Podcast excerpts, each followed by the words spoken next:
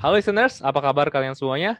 Selamat datang kembali di podcast Catatan Iman, di season yang keempat dan di episode yang ke-10. Tentu saja masih bersama dengan saya Victor. Nah, sebelum kita mulai episode pada hari ini, saya mau minta maaf terlebih dahulu nih. Saya mau minta maaf karena uh, buat para pendengar setia podcast Catatan Iman, saya sempat vakum selama dua minggu karena uh, saya lagi padat banget di kerjaan jadi nggak sempat punya waktu untuk uh, take uh, podcast ini. Tapi sekarang I'm back, so uh, semoga bisa dimengerti dan dimaklumi. Oke, okay, uh, kita langsung masuk aja ya ke pokok pembahasan kita pada hari ini.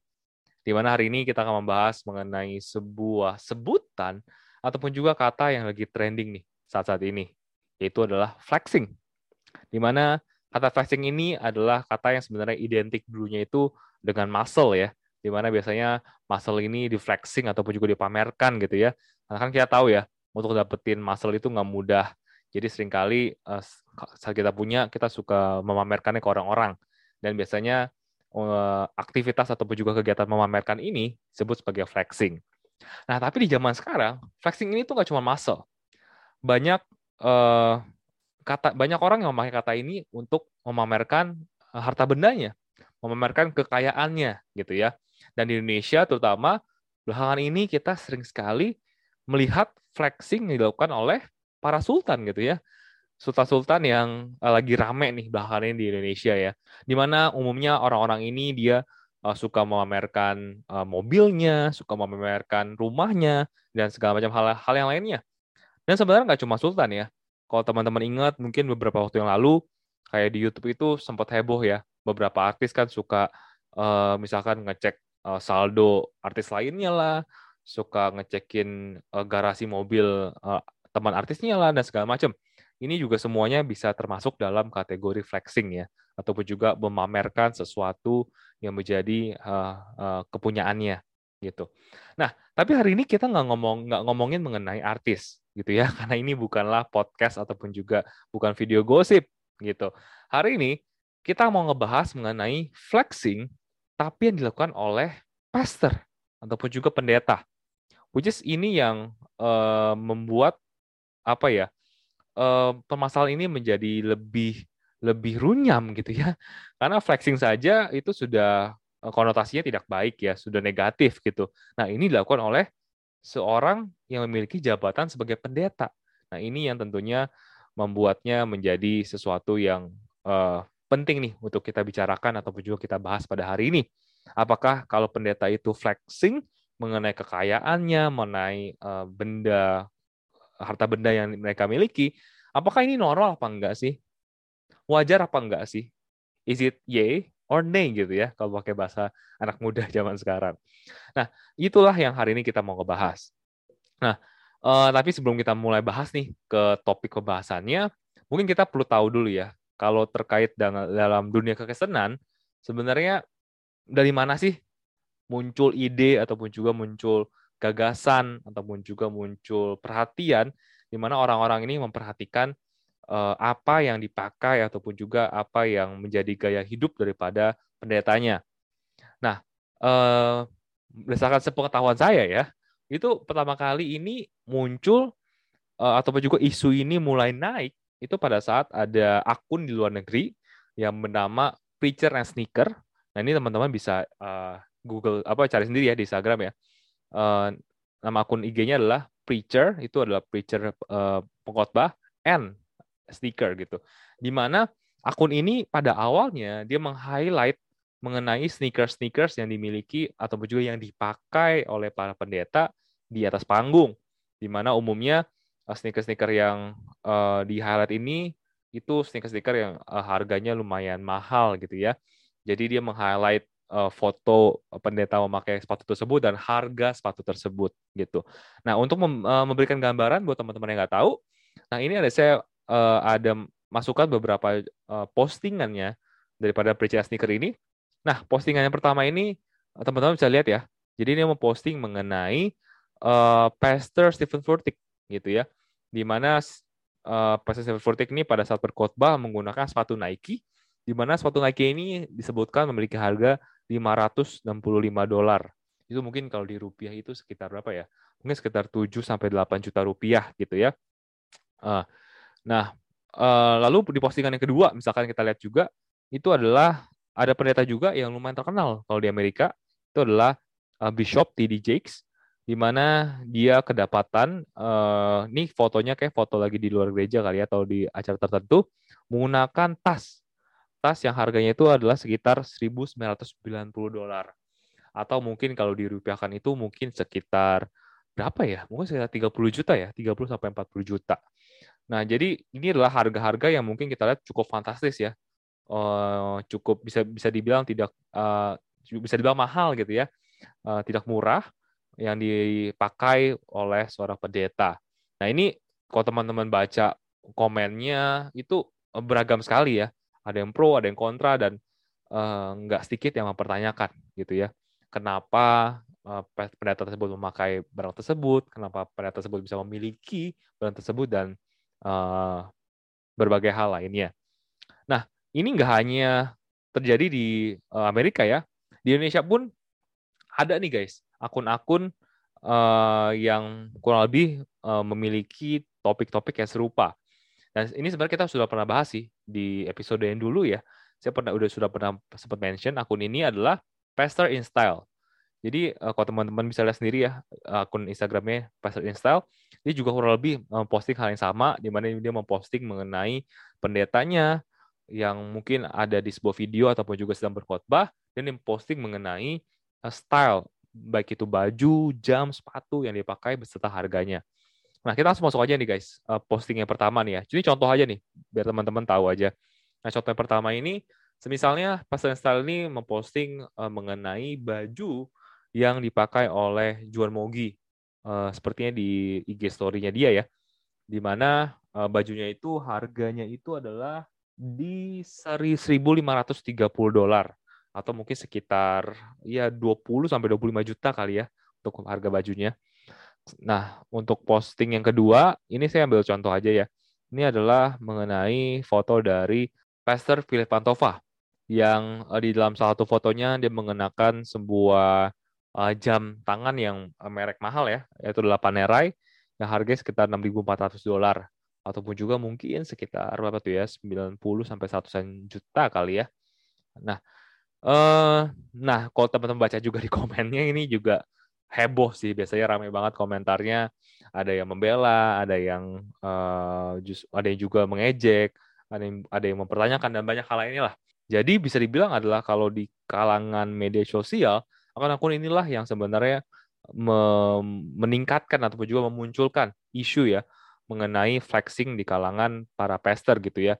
Jadi mungkin uh, pastor-pastor ini juga mungkin mungkin ya saya sih berpikir positifnya mungkin nggak niat juga uh, flexing tapi karena ada sekarang uh, sudah ada media sosial dan ada akun-akun seperti ini yang meng-highlight apa yang mereka pakai menjadi lebih nyata, menjadi lebih kelihatan gitu ya uh, kalangan para jemaat-jemaatnya. Nah, oleh karena itulah menurut saya ini menjadi penting nih untuk kita bahas karena sebenarnya masih rancu banget mengenai hal ini. Saya rasa juga di gereja-gereja teman-teman semua juga mungkin nggak ada yang ngebahas mengenai ini kan flexing uh, yang dilakukan oleh pendeta boleh apa enggak gitu. Pas pasti kan nggak nggak pernah dibahas kan. Jadinya menurut saya ini pengen saya bahas supaya at least kita hari ini bisa mendapatkan suatu uh, pemikiran baru perspektif baru sehingga kita akhirnya nggak cuma sekedar akhirnya malah berantem ya. Berantem di sosial media. Berantem ini juga masalahnya sama-sama orang Kristen juga kan malah jadinya memecah belah gitu jadi kita uh, andaikan kita mau komen pun itu juga komen sesuatu yang dengan perspektif yang clear gitu ya perspektif yang jelas bukan uh, semata-mata perspektif yang uh, bias gitu ya nah tapi saya juga sebelum saya mulai pembahasan pada hari ini saya mau disclaimer dulu nih guys bahwa hari ini apa yang saya sampaikan ini adalah murni berdasarkan pendapat saya, murni dari uh, perspektifnya saya gitu ya. Jadi mungkin saja ada teman-teman di luar sana yang punya perspektif yang berbeda, which is menurut saya is very normal karena setiap orang punya perspektif yang berbeda-beda. Tapi yang penting adalah dasar pemikirannya seperti apa. Apakah dasarnya valid atau enggak? Nah, itu yang yang hari ini saya mau share nih kira-kira dasar pemikiran yang saya miliki untuk perspektif saya seperti apa yang saya harapkan bisa berguna buat teman-teman semua gitu. Kenapa saya uh, perlu sampaikan hal ini karena uh, perdebatannya ini juga sampai sekarang masih belum selesai. Ada yang bilang bahwa kan nggak masalah dong kalau pendeta itu uh, punya punya ataupun juga memakai barang-barang yang mahal, karena kan belum tentu juga kalau barang-barang yang mereka miliki ini didapatkan dari hasil gereja gitu ya ataupun juga hasil perpuluhan. Kan mereka bisa juga ataupun juga kan banyak ya pendeta-pendeta kan juga punya usaha lain yang juga sukses. Kan bisa juga dong dari keuntungan usaha tersebut dipakai untuk membeli barang-barang yang mungkin di-highlight ya di dalam beberapa akun Instagram tersebut. Nah, ini menjadi dasar buat orang-orang yang uh, pro ya ataupun juga yang menganggap bahwa nggak masalah untuk seorang pendeta menggunakan barang-barang mahal. Tapi di sisi lain ada juga yang nggak setuju, ada juga yang merasa nggak nggak wajar untuk seorang pendeta menggunakan barang-barang mahal. Karena uh, dasar pemikiran yang mereka pakai adalah pendeta kan harusnya mencontohkan kehidupan seperti Yesus gitu ya, yang kehidupannya sederhana. Jadi at least kalau punya uang banyak pun, kalau punya uh, benda-benda berharga pun yang harganya mahal, yang nggak perlu ditampilkan dong, nggak perlu dipamerkan dong, dan segala macam. Which is ya juga eh, sah-sah aja gitu ya. Dan oleh karena itu sampai dengan sekarang masih terjadi perdebatan nih antara sebenarnya boleh apa enggak.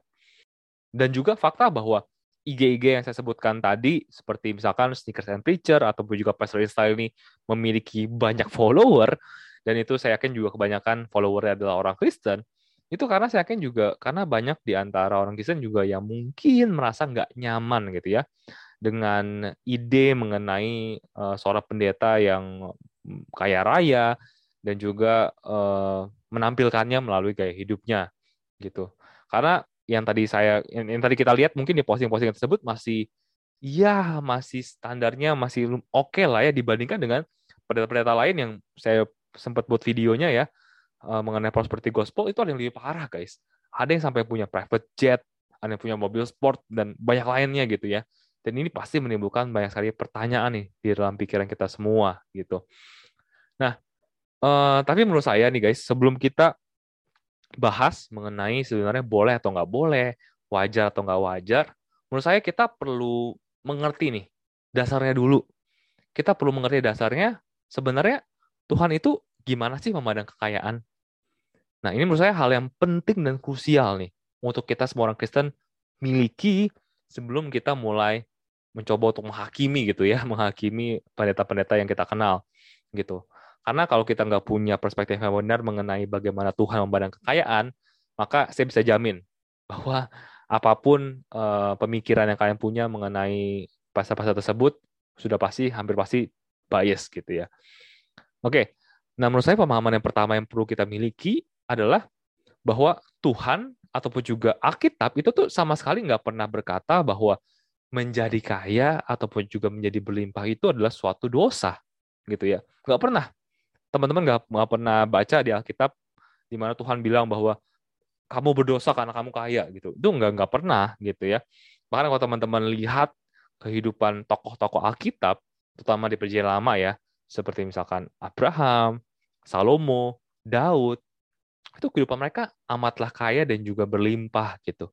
Dan menariknya, mereka bisa kaya karena Tuhan gitu. Karena Tuhan yang membuat mereka menjadi kaya gitu. Dan fakta bahwa Tuhanlah yang membuat mereka menjadi kaya dan berlimpah, itu adalah bukti bahwa menjadi kaya dan berlimpah itu sama sekali nggak salah gitu. Karena kalau itu salah, nggak mungkin dong Tuhan melakukan hal itu ataupun juga, ataupun juga Tuhan membuat hal itu terjadi pada kehidupan orang-orang yang uh, taat kepadanya gitu. Jadi kita perlu tahu ini ya, jadi menjadi kaya itu nggak salah dan sama sekali nggak berdosa. Karena kenapa? Karena sebenarnya Tuhan pengen kita kaya. Kenapa?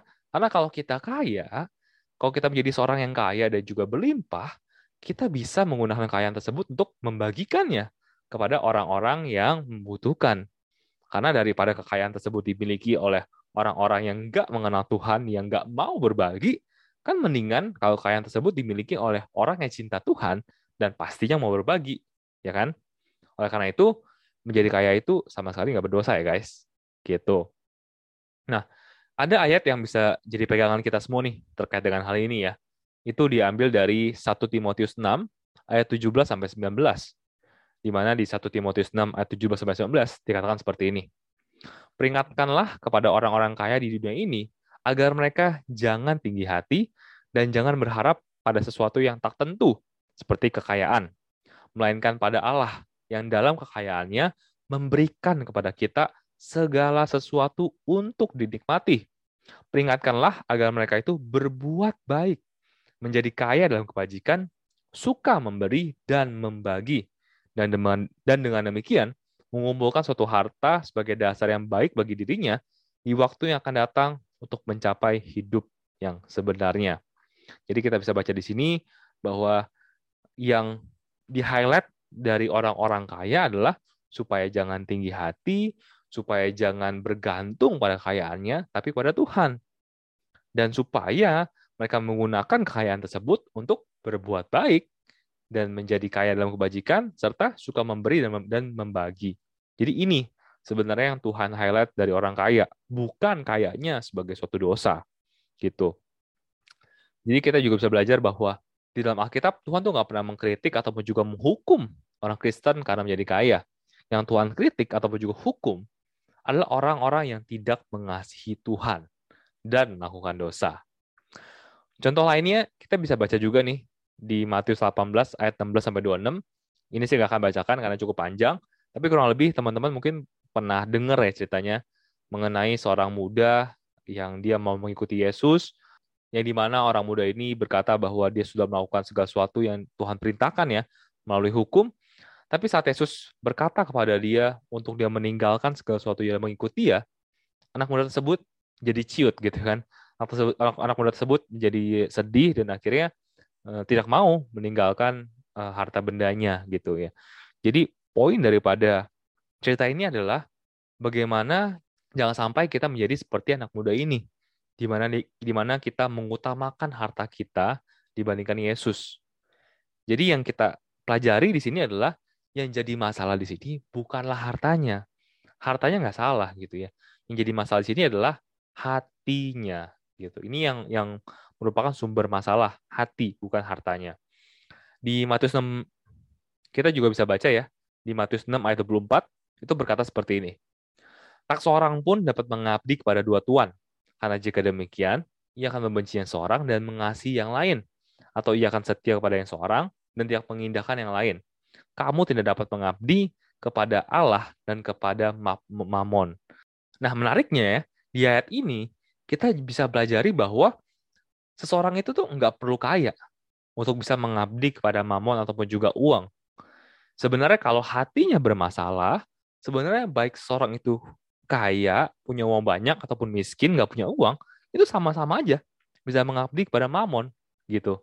Jadi sekali lagi ayat ini meng-highlight bahwa yang jadi masalah seseorang itu bukan uangnya tapi adalah hatinya gitu.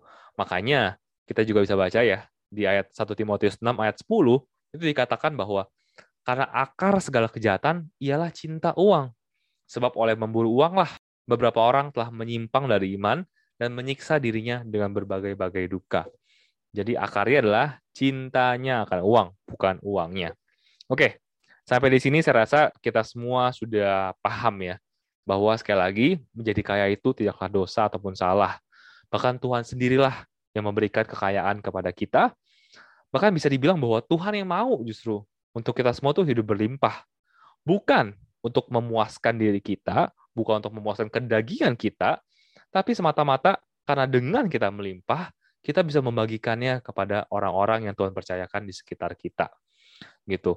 Dan kita juga um, mendapat pemahaman bahwa uh, bukanlah uang yang jadi masalah, bahwa uang itu nggak salah ya, karena uang itu adalah hanyalah benda. Tapi yang salah adalah hatinya apakah hati kita memprioritaskan Tuhan atau enggak gitu ya. Apakah kita apakah kita mendahulukan Tuhan atau tidak gitu. Karena kalau hatinya kita salah mau kita kaya mau kita sederhana mau kita berkecukupan mau kita miskin itu kita tetap punya masalah yang sama gitu ya. Oke setelah kita mengetahui perspektif yang benar ya bagaimana Tuhan memandang kekayaan nah sekarang kita masuk nih ke inti pertanyaan pada hari ini masalah gak sih kalau pendeta itu uh, menggunakan ataupun juga uh, terutama di depan publik ya barang-barang branded ataupun juga barang-barang mahal. Nah, uh, menurut saya saya akan ngebahasnya dari dua sisi ya, biar lebih adil. Sisi yang pertama menurut saya ini penting nih. Penting untuk kita bahas lebih dahulu karena menurut saya sebagai orang Kristen yang dewasa dan orang Kristen yang adil, maka sebelum kita tunjuk orang lain, kita perlu tunjuk ke diri kita sendiri dulu. Gitu ya. Sebelum kita mau menilai orang lain, kita perlu untuk menilai diri kita sendiri dulu. Apa sih maksudnya? Maksud saya, maksud, maksud saya seperti ini loh. Bahwa jangan sampai kita nggak suka nih pendeta tertentu menggunakan barang mahal bukan karena sisi sisi keetisannya, tapi karena kita iri gitu. Karena kita iri karena kita nggak bisa memiliki apa yang mereka punya, makanya kita nggak suka gitu. Nah jangan sampai kita punya perspektif yang seperti ini gitu. Jangan sampai sesuatu sesuatu itu menjadi masalah bukan karena pendetanya, tapi karena diri kita sendiri gitu. Karena menurut saya eh, nggak uh, bisa dipungkiri ya, ada beberapa orang yang seperti ini gitu ya. Beberapa orang yang sebenarnya kalau mereka jujur sama diri diri mereka sendiri, mereka mereka tuh nggak nyaman melihat pendeta pakai barang-barang mahal. Itu lebih ke arah karena mereka sendiri iri. Karena mereka nggak bisa memiliki apa yang pendeta tersebut punya, jadi akhirnya mereka nyinyir dan mereka jadi nggak suka sama pendeta tersebut, gitu. Karena uh, mungkin saya bisa in a sense ya mengerti ya mungkin kenapa mereka memiliki rasa seperti itu ya. Mungkin ada beberapa dari mereka yang mereka juga melayani di gereja, mereka melayani full time, mereka melayani dengan sepenuh hati, tapi kok mereka nggak diberkati sebelimpah itu ya dibandingkan dengan pendeta-pendeta yang lainnya? Sehingga akhirnya mereka mulai menghakimi eh, pendeta-pendeta tersebut gitu ya sebagai buahnya which is buah yang nggak baik tentunya. Dan menurut saya kalau ini yang ada di hati kita kalau ini yang jadi motivasi kita berpikiran hal ini maka menurut saya kita benerin hati kita dulu deh gitu. Kita nggak usah pusingin deh pendeta A pakai apa pendeta B pakai apa. Kita nggak usah pusingin hal itu dulu kita benerin dulu hati kita dulu gitu. Karena menurut saya Tuhan itu tuh pasti mau mau kita untuk berubah terlebih dahulu sebelum kita mencoba untuk merubah orang lain gitu. Saya, karena saya yakin bahwa Tuhan lebih pentingin kehidupan kehidupan masing-masing dari kita gitu ya sebelum uh, Tuhan mau kita untuk bisa menginfluence kehidupan orang lain juga gitu. Jadi pastikan guys ya, pastikan sebelum kita masuk uh, untuk menilai kehidupan orang lain, kita nilai dulu hati kita. Sudah benar belum? Sudah uh, adil belum dalam melihatnya gitu ya. Jadi ini yang perlu kita uh, benerin dulu nih guys, hati yang benar dulu. Oke. Nah, uh, saya kita masuk ke sisi yang kedua nih ya, sisi mengenai uh, dari sisi pendetanya gitu. Wajar gak sih? Normal gak sih seorang pendeta menggunakan barang-barang branded gitu. Nah, kalau buat saya sendiri, apabila ada seorang pendeta yang menggunakan sepatu ataupun juga baju ataupun juga jam yang branded ataupun juga yang uh, gaya hidupnya extravagant gitu ya, saya jujur nggak setuju sih, gitu. Kenapa? Karena menurut saya eh, hal-hal tersebut tidak diperlukan, gitu ya. Terlebih lagi dalam uh, tugas dan tanggung jawab yang mereka miliki, gitu. Dan saya bilang saya nggak setuju ini bukan hanya karena berdasarkan uh, perasaan doang ya, tapi karena saya, saya juga punya beberapa argumen gitu. Dan ini adalah beberapa argumen saya gitu ya, uh, yang bisa teman-teman nilai juga apakah argumen saya ini kira-kira uh, valid apa enggak gitu ya. Nah, argumen saya pertama adalah saya orang yang percaya bahwa segala sesuatu yang kita pakai itu mengkomunikasikan sesuatu gitu. Dan saya rasa semua daripada kita yang dengar pasti setuju kan bahwa segala sesuatu yang kita uh, pakai itu tuh mengkomunikasikan sesuatu. Nah, contohnya gini nih guys. Guys, biar biar memudahkan ya. Semisal nih. Semisal teman-teman kerja lalu um, di siang hari tersebut teman-teman ada meeting di kantor gitu. Nah, kira-kira kalau teman-teman ke kantor ke meeting tersebut pakai baju piyama itu gimana? Let's say, let's say teman-teman ke meeting tersebut dengan baju piyama ya. Lalu teman-teman ngomong dengan sangat-sangat fluent, menguasai materinya, ngomong sesuatu yang luar biasa, yang sangat-sangat berbobot. Kira-kira hasilnya apa? Kira-kira orang mau dengerin nggak? Nah, kalau saya percaya bahwa saya yakin bahwa the moment teman-teman masuk ke ruangan tersebut, teman-teman akan sudah di reject duluan gitu oleh orang-orang yang ada di meeting tersebut terlepas apa pun yang teman-teman ucapkan. Karena pada apa ya secara psikologis sebenarnya pakaian kita itu berbicara mengenai diri kita sebelum kita berbicara melalui ucapan kita gitu. Dan kalau bayang kalau pakai ilustrasi yang tadi saat kita pakai piyama gitu ya masuk ke sebuah meeting kita sedang secara tidak langsung kita mengkomunikasikan bahwa kita ini merendahkan orang-orang yang datang kita menyepelekan meeting tersebut kita sedang mengkomunikasikan bahwa kita ini sombong gitu ya kita bisa melakukan apa aja yang yang yang kita mau, sedangkan mereka nggak boleh gitu ya. Sedangkan mereka harus rapi gitu. Nah, hal-hal inilah yang sedang kita komunikasikan melalui apa yang kita pakai. Walaupun dalam ucapannya kita sama sekali nggak merendahkan, sama sekali nggak sombong, tapi karena apa yang kita pakai itu semualah yang didapat oleh orang-orang yang uh, jadi audiensnya kita, gitu.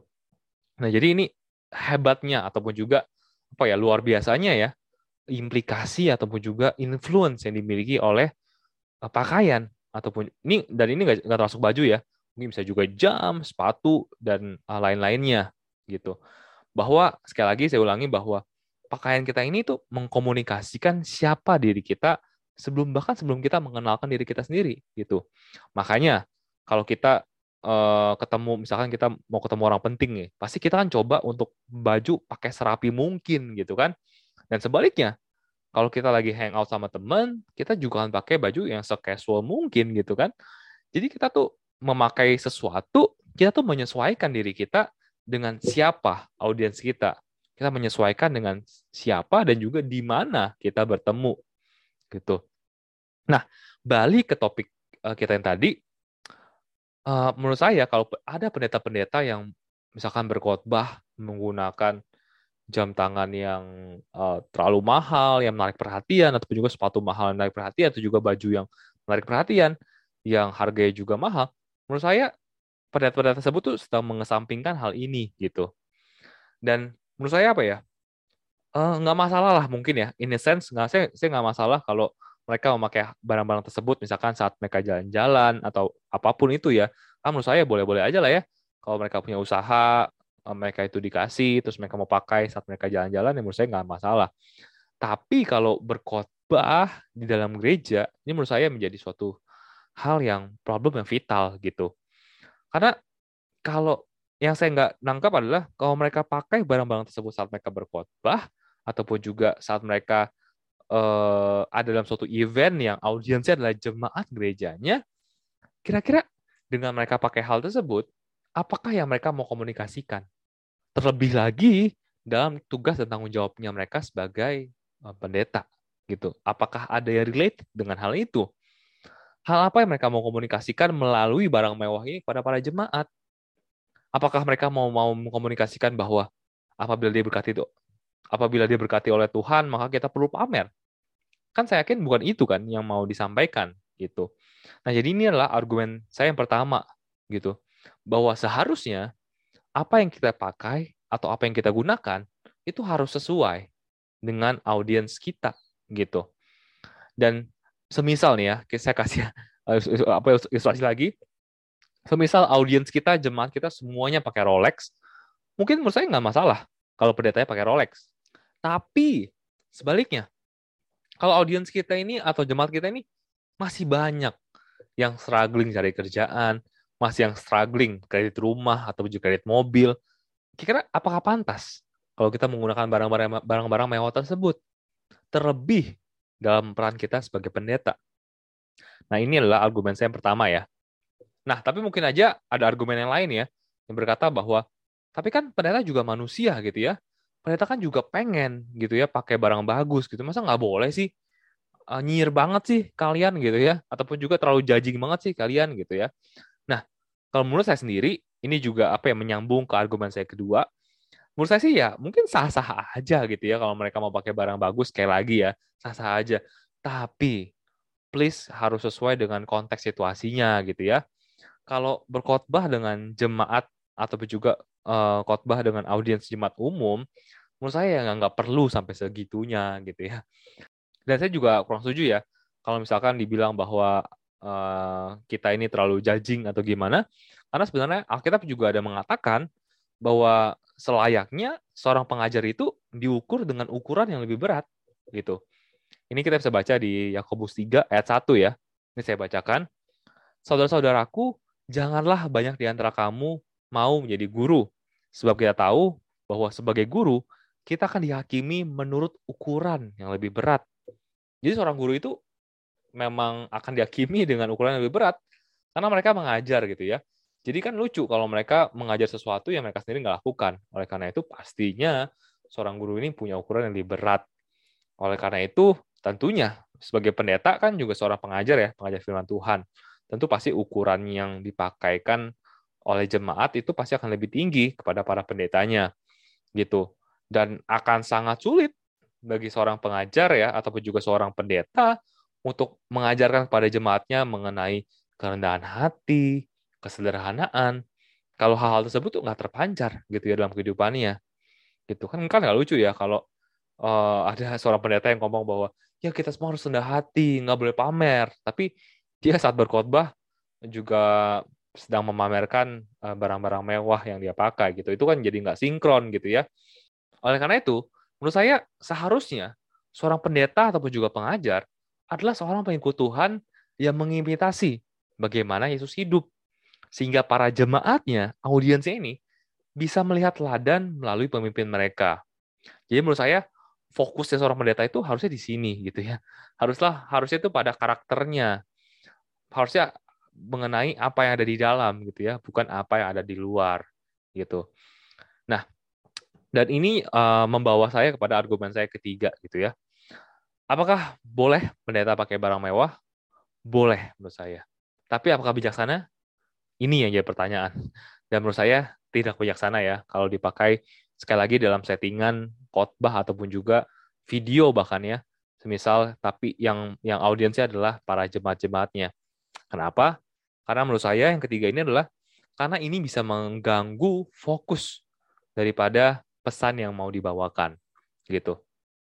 Saya ambil contoh dari postingannya, postingan IG-IG yang tadi sempat kita bahas, yang sempat meng-highlight uh, pakaian ataupun juga aksesoris yang digunakan oleh para pastor-pastor tersebut. Nah, kira-kira kalau buat teman-teman nih, teman-teman yang aware ataupun juga teman-teman yang jadi jemaat daripada pendeta-pendeta tersebut, kira-kira teman-teman ingat gak? Pas momen itu, pendeta tersebut lagi khotbah mengenai apa? Saya yakin bahwa nggak banyak dari kita ingat gitu ya. Saat apa uh, momen itu pendeta tersebut ngomongin apa. Tapi mungkin yang kita ingat adalah aksesorisnya gitu ya. Kenapa? Karena postingan tersebut. Karena kita tahu bahwa oh saat pendeta tersebut pakai ini diposting, kita ingat gitu kan. Jadi yang kita ingat adalah apa yang mereka pakai dibandingkan daripada pesannya. Nah, menurut saya ini salah satu yang menjadi hal yang jadi concern saya sih, gitu. Kenapa pendeta menurut saya nggak perlu pakai barang-barang mewah? Karena menurut saya pendeta itu harusnya mengesampingkan segala sesuatu yang bisa mengganggu fokus jemaatnya dalam mengenal Yesus gitu. Dan ini sebenarnya kita lihat sudah dilakukan gitu ya oleh gereja-gereja zaman sekarang. Makanya kalau teman-teman perhatikan ya, di gereja-gereja modern itu sound speaker-nya dibikin bagus suaranya, proyektornya bagus, jelas banget, bahkan beberapa gereja udah pakai LED, sistem asyarnya rapi banget, ramah banget, welcoming banget, tempat duduknya juga nyaman. Itu supaya apa sih?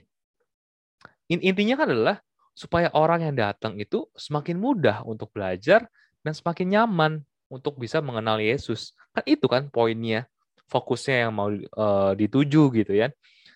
Sayang banget nih kalau semua settingan ini udah rapi, udah udah udah udah cantik banget gitu ya.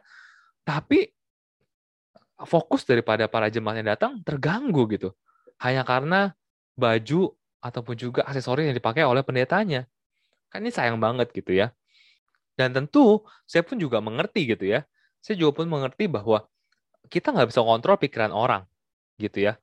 Karena terkadang eh, memang ada jemaat yang uh, pikirannya negatif, yang hatinya nyinyir ya akan tetap nyinyir gitu ya.